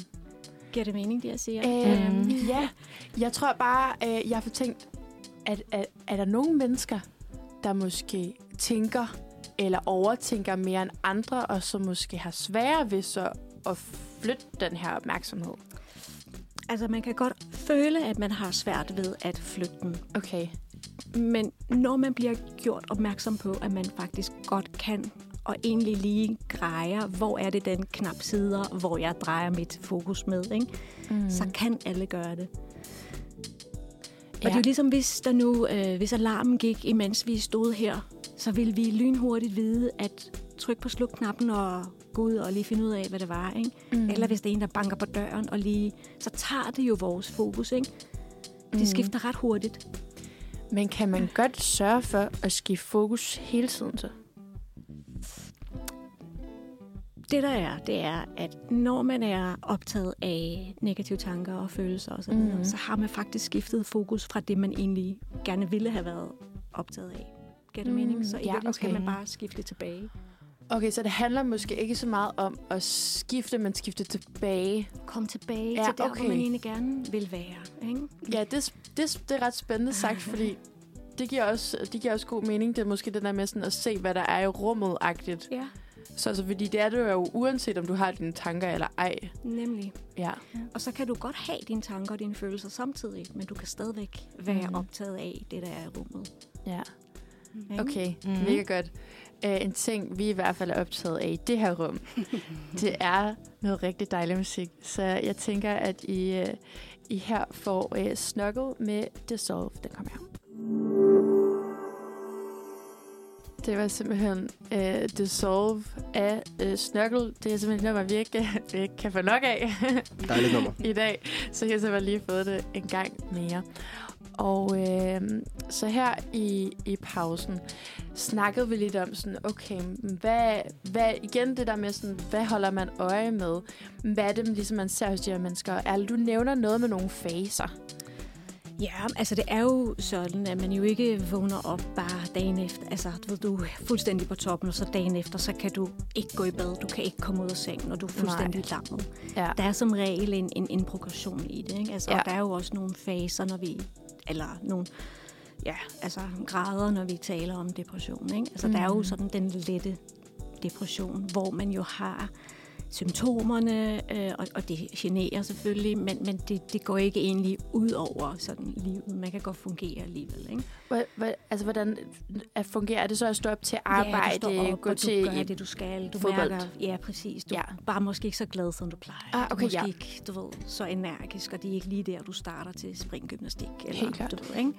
Mm. Øhm, men, men på den måde ikke generende som sådan. Ikke? Mm. Øhm, og så, så kan man, så kan det gradvist udvikle sig til, at det langsomt bliver til netop, at man ikke overgår at stå ud af sengen. Ikke? Altså det bliver lidt Ja. mere det, vi kalder en moderat depression. Ikke? Okay. Hvor at man er påvirket, hvor ens liv og ens hverdag er påvirket af sådan, som man har det. Ikke? Mm. Og der er det jo nok vigtigt, at man begynder lige at overveje, mm, måske er det nu, jeg skal lige gøre et eller andet anderledes, så det ikke du ved, udvikler sig. Ikke? Og så er vi ude i sådan en et, lidt tungere depression, der handler om, altså efter det, ikke? Altså, der handler om, at man måske ikke kan komme op overhovedet, måske ikke kommer i bad, måske slet ikke engang har overskud, lyst til at spise, til at sådan Mm. tage vare på sig selv. Opvasken bliver bare stående, og altså virkelig kommer i, øh, hvad kan man sige, dårligt selskab med sig selv. Ikke? Ja. ja. Men øhm, der kan man også til at tænke på, når nu vi er jo mange studerende, der lytter med her, og der er jo ofte har man jo meget sådan travle og lange dage, fordi man bare har sindssygt mange deadlines, man skal nå. Ja. Så hvis man nu øh, skal tænke på de her faser Ja. i, i, i synet af, at der, du stadig får gjort en hel masse forskellige ting, fordi du skal. ja. Øh, så når man nu har sådan en, altså bare full on mandag til fredag, 8 til 16, øhm, hvordan kan man så lægge, lægge mærke til de her symptomer, hvis du bare generelt er et rigtig travlt menneske? Så det ikke bliver så meget det der med, om du bliver i sengen, og, Mm. og du øh, hvad hedder det, sådan, kan ikke komme op om morgenen, og, og Ja. alt det her. Altså, øh, jeg er ikke helt sikker på, at jeg forstår det spørgsmål. Jeg vil prøve at svare. Jamen, ellers så er det Øh, bare, altså... Jeg ja. tror, at øh, for eksempel snakker vi lidt om før, at det der med, med at, at løbe fra tingene, også ja. måske kan være en mm. måde at, øh, at takle det på. Hvis det er det, du mener, Søsmin. Ja, men jeg tror bare, det er en mere ubevidst handling, ja. jeg taler om. Det er mere, øh, når du så... Det er bare nogle gange, når vi står, og, eller når nu her vi står og snakker om depression, og det er meget sådan en, når man, man går meget ind i sig selv, og man bliver hjemme, og man Mm. bliver i sengen. Det er sådan, Mm. du kan genkende, at du ja. øh, har nogle symptomer på en depression. Så øh, kunne jeg godt bare tænke mig at høre, hvordan man kan genkende de træk, når man stadigvæk bevæger sig. Når man stadigvæk er i gang. Ja, Ja. præcis. Okay. Jamen, der vil man jo altså, typisk mærke det ved, at man ikke føler særlig meget glæde ved det. Man, man, man ligesom måske mærker en ligegyldighed, eller ligesom mm. manglende lyst, manglende motivation. Man gør det bare, og man, man bliver bare ved med at gøre det, selvom du ved, ikke? Um, men, men det er jo en, en meget fin balancegang, fordi det er jo også vigtigt, at vi ikke ligesom får talt ind i, at man skal være jublende glad hele tiden, og at Ja. du ved, at, at altså, følelserne øh, på den måde altid skal være til den lyse side. Ikke? Altså, meget stor del af vores tid er vi jo bare. Ikke? Vi gør jo bare det, vi skal. Vi går. Altså, vi, vi tager vores studier, vi, vi laver de opgaver, vi skal lave, vi, vi møder op. Ikke?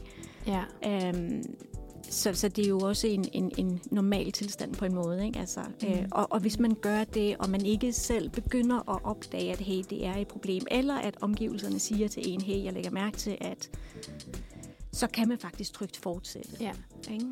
Øhm, Øh, Altså, hvis nu man er et menneske, som ligesom stadig er i, øh, er i bevægelse, men føler sig nedtrykt, altså svarer det så lidt til første fase, som du snakkede om her? det kunne det godt være. Det kunne ja. det godt. Ja. Så, så der skal man ikke tænke, at det måske er mere alvorligt, eller kan man bare godt stadigvæk øh, være, være i bevægelse, men altså sådan alvorligt Ja, og nedtrykt? så, og så går det som regel over. Ikke? Okay, Men ja. der, hvor man begynder at blive lidt meget optaget af, hvordan mm. det føles.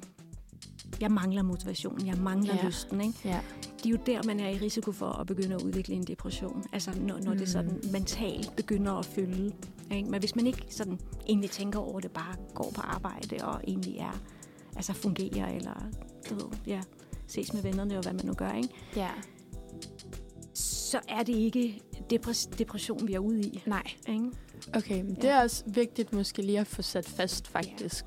Ja. Ja, og jeg tror også, det er vigtigt, at vi ikke begynder at blive alt for optaget af, hvordan det føles. Fordi Ja. altså, så er vi jo altså, er vi i præopt. Det er rigtigt. Ikke? Det er rigtigt. igen. Man skal nok mærke det, når man er deprimeret. Ikke? ja. Det gør man. Ja.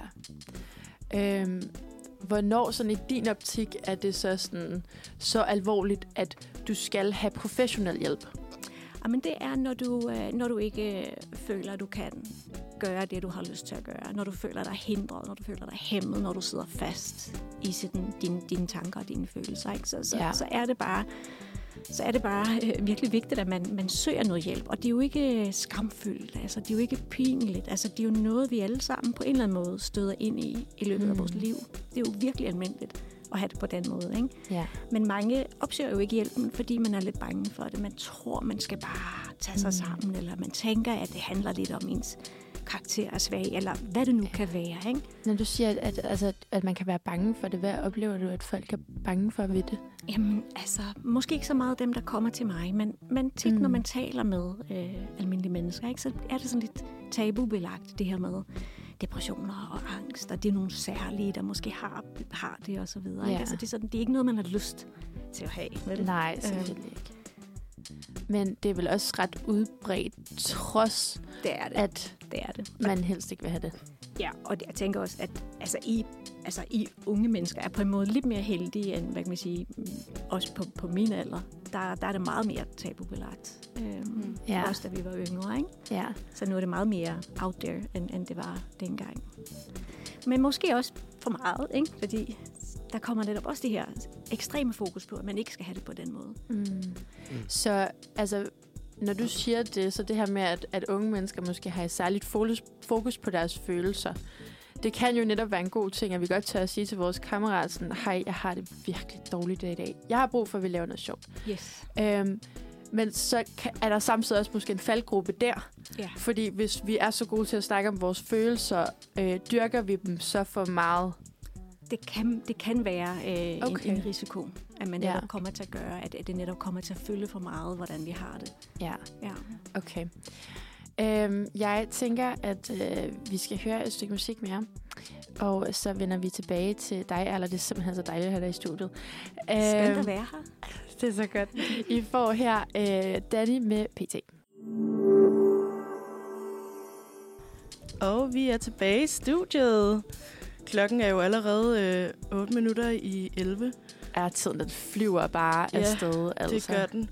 Og vi er heldige at have Erle med os i dag, mm-hmm. som er øh, psykolog og vores ekspert øhm, på området. Og øhm, nu har vi lige snakket om det her med at række ud og få professionel hjælp. Og øhm, det kan man jo gøre af mange forskellige årsager.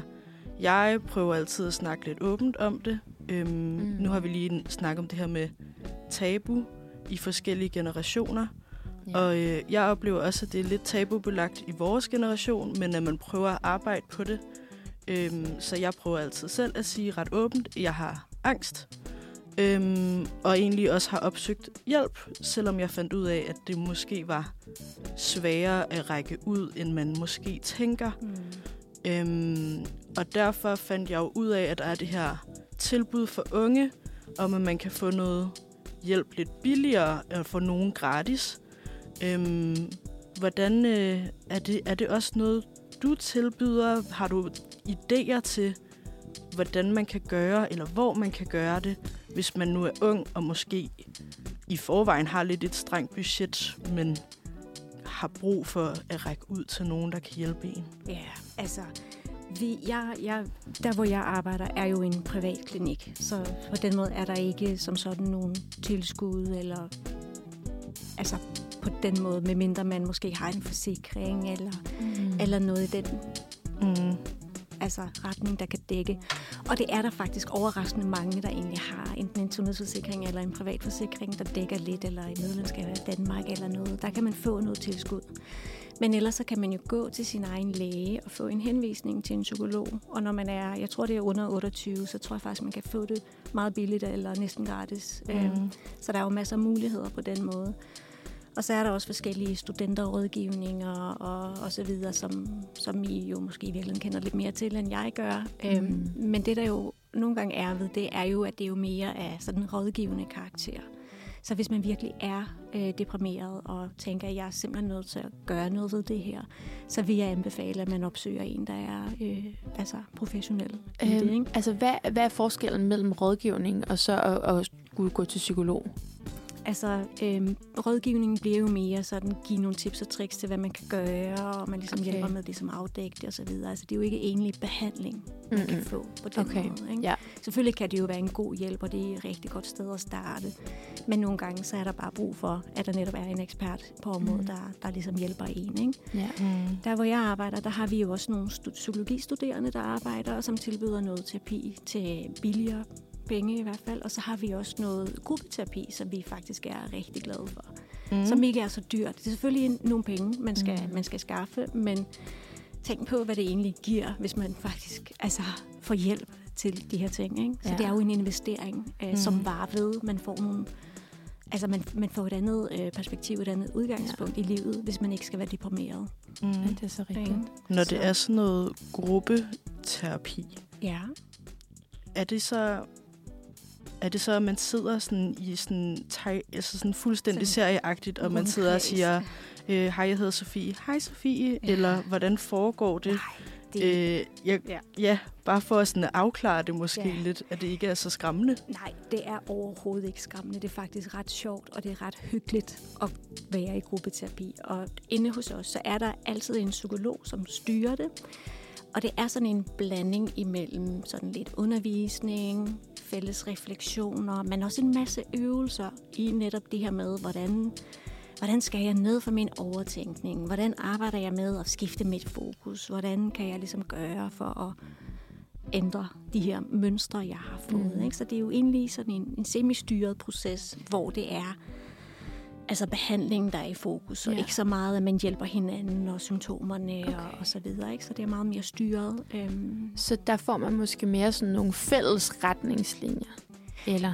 Ja, og Ja. det der jo også er i det, det er jo, at de her ting, vi taler om, når vi taler om overtænkning, når vi taler om fokus på følelser, når vi taler om sådan en fornemmelse af, at jeg kan ikke styre min opmærksomhed, så mm. er det Mm. faktisk nogle ting, der går igen for alle, der er deprimerede. Ja. Så det kan godt være, at du, ved, du hedder et eller andet og bor der og har den omgangskreds og føler, at dit problem er Ja. meget, meget øh, specielt og specifikt. Men det er det måske alligevel ikke. Det er det måske ikke alligevel. Ja. Når man så Mm. sidder der og finder ud af, okay, jamen jeg fungerer faktisk rigtig meget på samme måde Ja. som mm. alle de andre. Hvis du så skulle give tre gode råd til, hvordan man kan arbejde med sig selv, og som måske er almene, Ja. øh, hvis man er særligt nedtrykt i den her mærketid. Så vil jeg sige, det første er at virkelig øhm, tage det ind, at alle følelser er normale og uundgåelige. Vi har alle sammen både positive følelser og negative følelser. Det er normalt at føle sig nedstemt. Ikke? Mm. Den er super vigtig. Øhm, det andet er, bliv god til at spotte overtænkning. Læg mærke til det, ja. når du falder i på den her overtænkning. Ikke? Når der kører gentagende bekymringer, grublerier og, og så videre, analyser, problemløsning og så videre. Ikke? Bliv god til at spotte det, og prøv at se, om du kan bryde det. Gør noget andet. Skift Mm. fokus. Kom ud af det. Ligesom arbejde med at beslutte dig for, jeg kan faktisk godt bestemme over, hvad der skal foregå i mit sind, og jeg har ikke lyst til at blive ved med at køre i de her negative mm. tanker, så jeg gør noget andet. Jeg kommer ud af mit hoved og afbryder det. Ikke? Ja. Og så det tredje, det vil være, at i stedet for at gå ind og pakke det ind og behandle det som en influenza, som en feber, så gør det modsatte. Prøv at Ja. ja. komme ud, prøv at netop ja, række ud. Sige til en ven, vi skal, hey, vi skal gå en tur i skoven på søndag. That's it. Ja. Øhm, Eller Ja. måske, hvis man sådan har ikke så meget overskud, kan man så bare skrive sådan, hej ven, du er nødt til at lave noget med mig. Du må finde på noget. ja. Bring noget chokolade, eller Vi snakker om julemarkedet her i første del. Det kunne også... Øhm, det Ja. kunne være Mhm. oplagt. Det kunne det da Eller høre noget god musik, eller Ja. noget Ja. god radio, eller en podcast, der er spændende, eller, eller noget, der på en måde fylder dit sind med noget Ja. andet. Ikke? Ja, kom op i gear. Kom op i gear. Og det har Ja. vi i hvert fald masser af herinde på Uniradioen. Ja. Men det vi så også er løbet tør for, det er jo tid. Men det har simpelthen været en kæmpe fornøjelse at have dig i studiet, Erla. Tusind tak, fordi du havde lyst til at komme. Jamen, tusind tak, fordi jeg måtte være her. Det har været så skønt at tale med jer. Jeg håber, at noget af det kan hvad kan man sige, sætte nogle tanker i gang. Det er jeg helt, Helt sikker sikkert. på, at det kan. det har været super lærerigt. Dejligt. Jeg tænker, I får lige en lille farvelsang, og den går ud til Sofie Pigen. Det er statisk med, kender du følelsen?